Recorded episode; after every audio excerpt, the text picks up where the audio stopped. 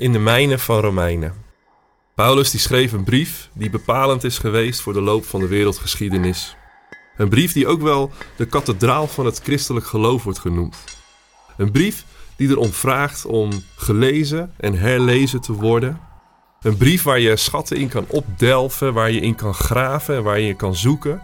Een brief van Paulus, speciaal voor jou.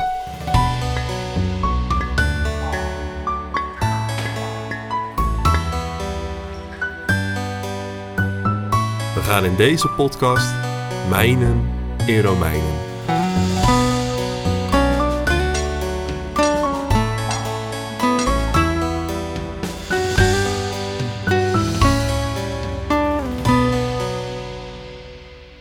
In de vorige aflevering zagen we de eindeloze en diverse lijst van personen die Paulus groette in Rome. Vandaag lezen we de laatste versen van de Romeinenbrief in hoofdstuk 16, vanaf vers 17 tot het eind, vers 27.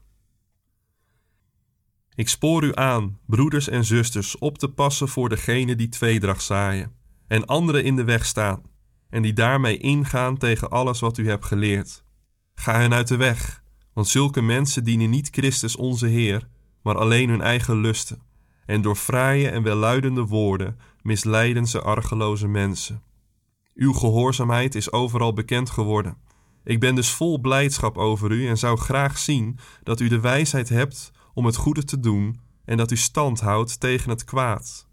De God van de vrede zal Satan nu spoedig vertrappen en aan u onderwerpen de genade van onze Heer Jezus zijn met u.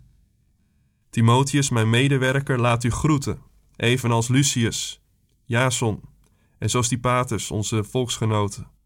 Ook ik, Tertius, die deze brief heb geschreven, groet u als iemand die in de Heer met u verbonden is. Gaius, die mijn gastheer is en die zijn huis voor de hele gemeente openstelt, laat u groeten. Erastus, die de gelden van de stad beheert, en mijn broeder Quartus laten u groeten. Aan hem die bij machten is u kracht te geven, overeenkomstig het evangelie van Jezus Christus dat ik verkondig, overeenkomstig de onthulling van het geheim waarover eeuwenlang gezwegen is, maar dat nu is geopenbaard en op bevel van de eeuwige God door de geschriften van de profeten bij alle volken bekend is geworden, om ze tot gehoorzaamheid en geloof te brengen, aan Hem, de enige alwijze God, komt de eer toe, door Jezus Christus, tot in eeuwigheid. Amen.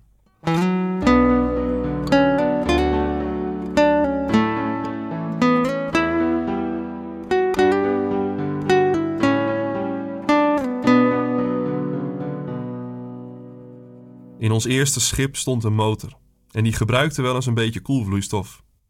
Ergens was een kleine lekkage die ik nog niet ontdekt had en ik gooide er een periode lang braaf regelmatig wat koelvloeistof bij. Ook wisselde ik wel eens de waterfilters, waarna ik de koelvloeistof weer bijvulde.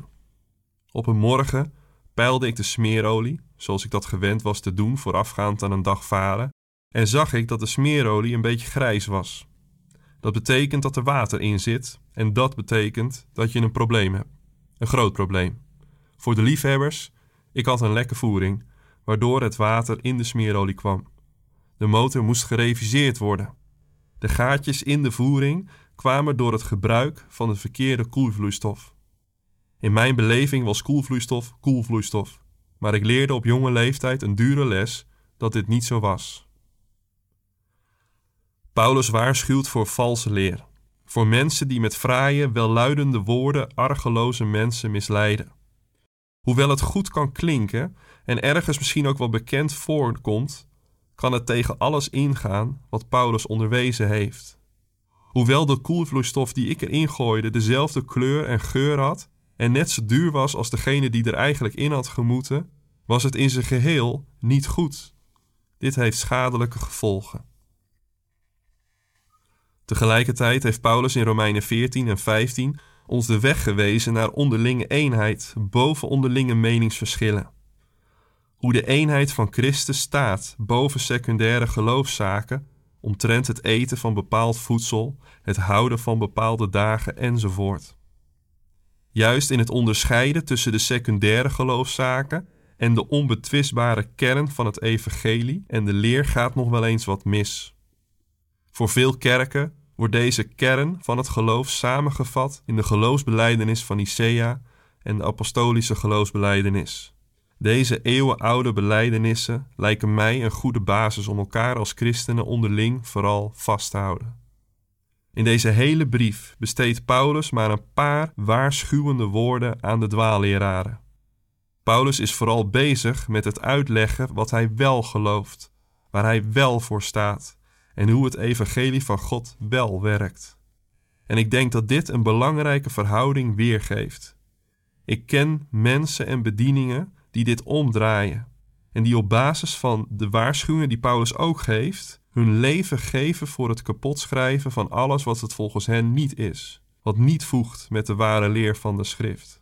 Ik geloof echt wel dat zij het behoud van de gemeente voor ogen hebben.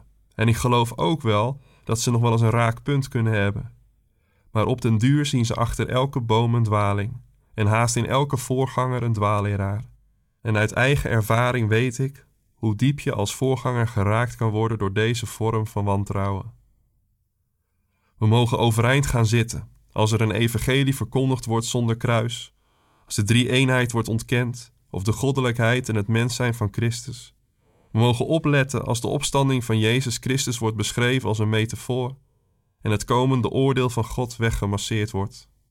Maar laten we ons niet verliezen in wat het allemaal niet is.